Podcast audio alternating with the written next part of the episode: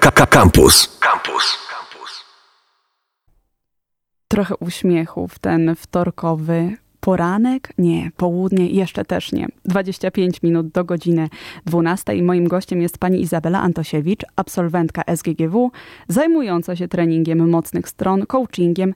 Sama siebie nazwała Mind Opener. Dzień dobry. Dzień dobry. Kim jest w pani wydaniu Mind Opener? E, otwieracz. Najprościej. Najprościej. Otwieram umysły rodziców na potrzeby dzieci i młodzieży i w drugą stronę. Czasami młodzieży tłumaczę rodziców. O, z drugiej strony. Da się zrozumieć rodziców? E, tak, jeżeli pogrzebiemy w intencjach, to na pewno. Bo zrozumieć to pokochać, a, a w drugą stronę też można, czyli jak się kocha, to można zrozumieć. To dobrze. E, to pozytywnie nastraja. Natomiast ja jeszcze chcę na początku naszej rozmowy skupić się na tym trudnym czasie. Nie bójmy się tego słowa, w którym się znaleźliśmy. Czy to jest dobry czas na budowanie relacji, czy wprost przeciwnie? Mm, ja myślę, że to jest taki e, czas wzmacniacza. Jeśli jest źle, to to, co źle, e, będzie widać mocniej, a jeśli jest dobrze, to to, co dobrze, będzie jeszcze mocniejsze. I Chyba tak trzeba patrzeć na ten czas, jak na lupę, przez którą będziemy widzieć y, wszystkie rzeczy powiększone. W trudnej sytuacji znaleźli się też wszyscy studenci, od kilku dni uczniowie liceów y, w czerwonych strefach, którzy ze swoimi rówieśnikami mają kontakt jedynie online, mhm. ze swoimi nauczycielami czy profesorami akademickimi, także online. Jak to wpływa na relacje? Znaczy, cała, e, cała relacja sprowadzana na przykład tylko do słów w postaci SMS-ów czy messengerów, a to jest jedna wielka pomyłka. Ja tego doświadczyłam, jak moje córki wyjechały za granicę. ja się z nimi zwykle nie kłócę, ale przez Messengera potrafiłyśmy się pokłócić, dlatego że słowo niesie za sobą tylko jakąś informację, a e, nie ma w nim emocji, nie ma tego wszystkiego, co e, mm, dotyczy w ogóle pełnej komunikacji, nie tylko słownej. Jeśli chodzi o kamerki, no to już jest prościej.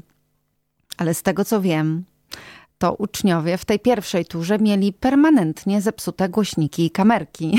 To się mogło zdarzać, to się mogło Więc zdarzać. E, ja e, nie zazdroszczę nikomu tej sytuacji, ani nauczycielom i profesorom akademickim, którzy e, po latach pracy z żywym odbiorcą muszą przenieść się do online'u i w postaci zmiany w ogóle podejścia i też formy, bo przed komputerem my mamy mniejszą zdolność E, koncentracji. Mm, no i też tej młodzieży bardzo współczuję, wam, e, studentom i, i mojej córce maturzystce, która też właśnie przeszła na online od poniedziałku, ponieważ to wymaga niezwykłej samodyscypliny. E, I ta koncentracja, i potem praca własna nad materiałem. Czy jest coś pozytywnego mimo to? Czy widzi Pani jako ten mind opener jakieś pozytywne aspekty? No tak, oczywiście, bo przecież możecie odbierać e, te wykłady w każdej pozycji w Waszym domu.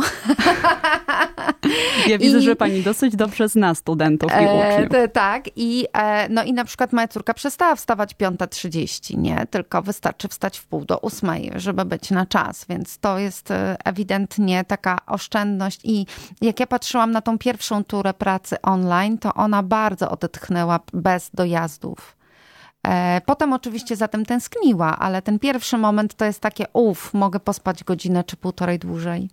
Jak budować relacje bez tego kontaktu na żywo, za pośrednictwem komputera niestety często? Hmm, przede wszystkim e, mm, więcej uważności.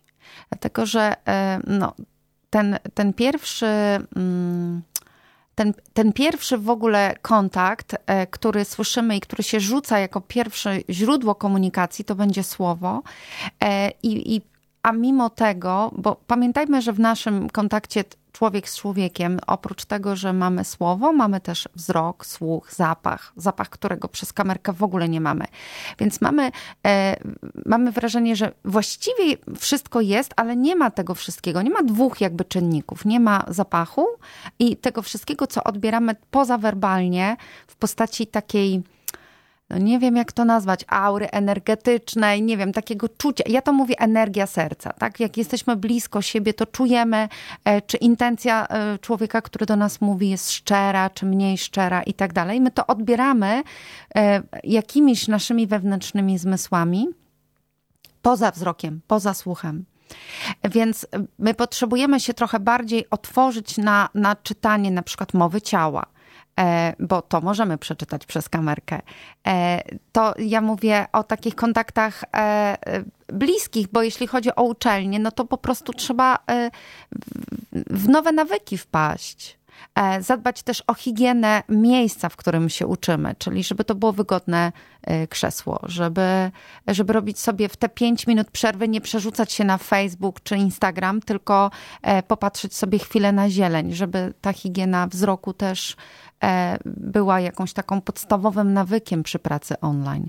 Bo jak my długo siedzimy przy kąpie, jak ja pracuję też online, to mnie normalnie kark boli i w ogóle, bo jest człowiek taki napięty i cały czas patrzy w ten jeden punkt i my się usztywniamy, więc o tą higienę też musimy zadbać. Muszę jeszcze zapytać o bardzo modne wyrażenie work-life balance. To, to wyrażenie odmieniane przez y, chyba wszystkie przypadki y, mhm. i ostatnio, no tak jak wspomniałam, bardzo modne. I miałam okazję doświadczyć tego, kiedy zaczęłam ostatnio pracować, że to wcale nie jest takie proste. Nie. Że to w teorii, w książkach psychologicznych, coachingowych brzmi fajnie, wyłącz się tam po 18, przestań o tym myśleć. Natomiast kiedy przychodzi do praktyki, no to człowiek jest bezradny zupełnie. Nie mhm. da się wyłączyć, nie, albo też po prostu jest trudno. Mo może się da, ale, bo owszem, laptopa można zamknąć, natomiast to, co w głowie pracuje.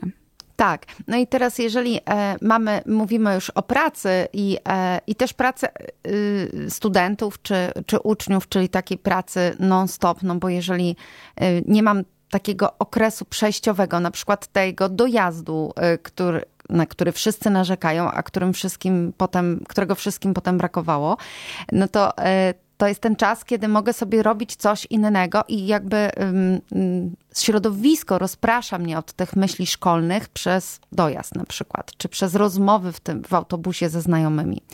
I ja myślę, że tutaj w domu warto e, po prostu e, znowu sięgnąć po, po lekcję jakiegoś nowego nawyku. Ja w ogóle uwielbiam książkę Atomowe Nawyki. Polecam ją, niesamowita pozycja, nowa na rynku, wydana w styczniu e, tego roku. E, James Clear, e, Atomowe nawyki, gdzie jest mnóstwo fantastycznych pomysłów na to, jak nowe nawyki wprowadzać. Bo my potrzebujemy po prostu przestawić mózg na inny tryb pracy i jakby zapomnieć stare rzeczy, a włożyć nowe rzeczy. jeżeli chodzi o work-life balance, to nie jestem najlepszym przykładem, bo robię live o 21 dla rodziców. Więc raczej moja doba jest z przerwami, ale ja na przykład y, mam takie talenty, bo ja się też zajmuję badaniem talentów, że ja bardzo łatwo łapię chwilę. I tu idąc do studia, miałam trochę zapasu. I odkryłam taki mały schodkowy ogródek na równolegle do, do Bednarskiej. Siadłam sobie na ławce i po prostu posiedziałam na tej ławce. Czyli można. Można i trzeba łapać chwilę po prostu i, e, i nauczyć się zauważać, że ta chwila jest i wtedy odpoczywać o odpoczywaniu i innych jeszcze rzeczach porozmawiamy z panią Izabelą Antosiewicz za chwilę na naszej antenie, na antenie Radia Campus. Mamy 17 minut do godziny 12. 10 minut do godziny 12 kontynuujemy moją rozmowę z panią Izabelą Antosiewicz, mind openerem, openerem, autorką książki Nakarm, naucz i puść wolno jak wychować dzieci na szczęśliwych dorosłych. Dzień dobry ponownie. Dzień dobry ponownie. I podobno o tej książce można też mówić z drugiej perspektywy. Tak. tak jak rozmowa jest zawsze z dwóch perspektyw, e, tak można e, mówić e, o relacjach e, z dziećmi przez pryzmat dzieci. E, dzieci mam na myśli nie, że to są małe dzieci, tylko dziecko rodzica jest zawsze dzieckiem, nawet jak jest dorosłe. Czyli e, z perspektywy młodzieży można patrzeć i używać tych samych narzędzi, których ja uczę rodziców. Czyli uważności, słuchania, szukania intencji, dopytywania, o co tak naprawdę rodzicom chodzi, kiedy nam coś mówią. E, ja jestem zwolenniczką w ogóle takiej ciekawości w rozmowie.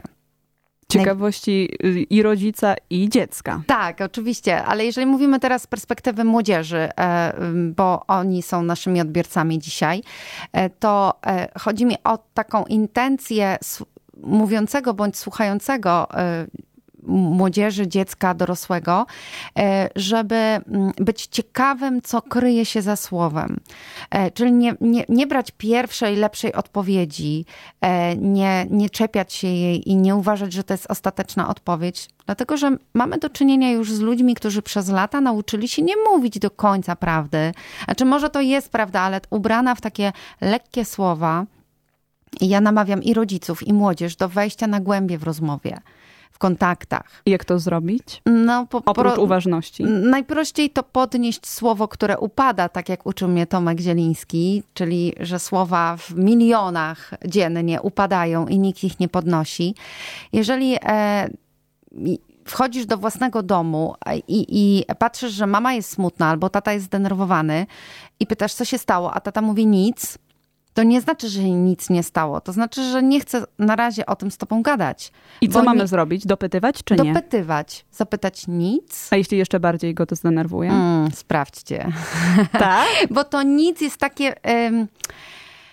A co ja ci będę mówił? I tak mnie nie usłyszysz. My... my to samo robimy tak wobec właśnie. rodziców. Dokładnie to samo wobec rodziców robi młodzież, e, bo, bo wpadacie z uczelni do domu albo teraz kończycie zajęcia online i idziecie zjeść zupę. I mama mówi, no to jak tam? Jak tam zajęcia?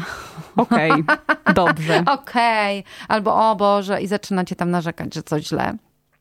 A tak naprawdę mama powinna zapytać, jak się dzisiaj czujesz po całym dniu siedzenia przed kąpem. Czyli e, ja namawiam do tego, żeby trochę wejść w buty drugiej osoby e, i, i z tej perspektywy trochę zapytać. Czyli nie pytać też, co u ciebie, tylko jak się dzisiaj czujesz? Albo co u ciebie dobrego. Bo my tu w tym kraju, w tej szerokości geograficznej musimy pytać o co dobrego, co dobrego ci się wydarzyło. Bo jak pytamy co tam, to usłyszymy co złego się działo. i narzekamy Niestety. sobie narodowo. Ale jak, e, bo chodzi o to, żeby trochę inaczej pytać niż zwykle, trochę samego siebie wybić z tego stanu takiej rutyny pytania i wejść w taką ciekawość pytania, czyli e, czego naprawdę jestem ciekawy, czyli Czyli naprawdę takie hejo wystarczy, czy ja naprawdę chcę z tobą porozmawiać o tym, co dla ciebie jest ważne? Co jeśli nie chcemy, jeśli jeszcze nie jesteśmy gotowi, aby powiedzieć? Czasem tak bywa. Mhm, to trzeba sobie dać więcej ciszy cisza jest miażdżąca. Bez Instagrama, bez Facebooka, tak? To też, bo, to, bo to, to czasem cisza, cisza tak. dla niektórych oznacza, prawda, ucieczkę w coś takiego. Tak. Znaczy, to jest pytanie znowu o intencje. Czy my chcemy wejść głębiej? Bo e, co to znaczy nie jestem gotowy na głębie? To znaczy, że nie chcę się prawdopodobnie, ja zgaduję teraz, e, zmierzyć z własnymi myślami, może lękami, może obawami. E, ja zachęcam w ogóle Was, młodzież, do rozmowy z rodzicami na temat swojej historii, przeszłości. E, I takim niezwykle otwierającym pytaniem jest na przykład, czy ciężko było? Tak po prostu, nie pytamy o okres życia. Idziemy do mamy i pytamy, ciężko było, i mama sama wam opowie o tym miejscu, w którym jej w roli mamy było ciężko, na przykład. Albo wspomnij sobie, y, ja, ja ostatnio jak byłam, e, miałam taki wieczór autorski i zapytano tam, i po, po różnych historiach doszliśmy do tego, że ja jako dziecko pamiętam kompletnie inaczej historię niż pamiętają ją rodzice. I ani rodzice nie wracają do dzieci, żeby tą historię wyprostować, ani my jako młodzież nie pytamy rodziców, jak to naprawdę było. Bo dzieci, małe dzieci są świetnymi e, obserwatorami życia, ale kiepskimi interpretatorami. One, dzieci na, narzucają własną interpretację. I zachęcam chociażby do takich rozmów o naszym dzieciństwie czy okresie dojrzewania. Można zapytać mamy, czy ciężko było być mamą takiego nastolatka jak ja. O, to rzeczywiście postawienie się y, z tej drugiej perspektywy. Polecamy zatem y, pani książkę. Polecamy także książkę, o której wspomniała pani w naszym Atomowe poprzednim. nawyki. Dokładnie, czyli dwie pozycje, nakarm, naucz i pójść wolno, jak wychować dzieci na szczęśliwych dorosłych i atomowe nawyki. Moim gościem była pani Izabela Antosiewicz, Mind Opener. Dziękuję bardzo serdecznie. Dziękuję bardzo, przytulam mocno. Przytulamy wszystkich słuchaczy kampusa. Akademickie Radio Campus 97 i 1 FM.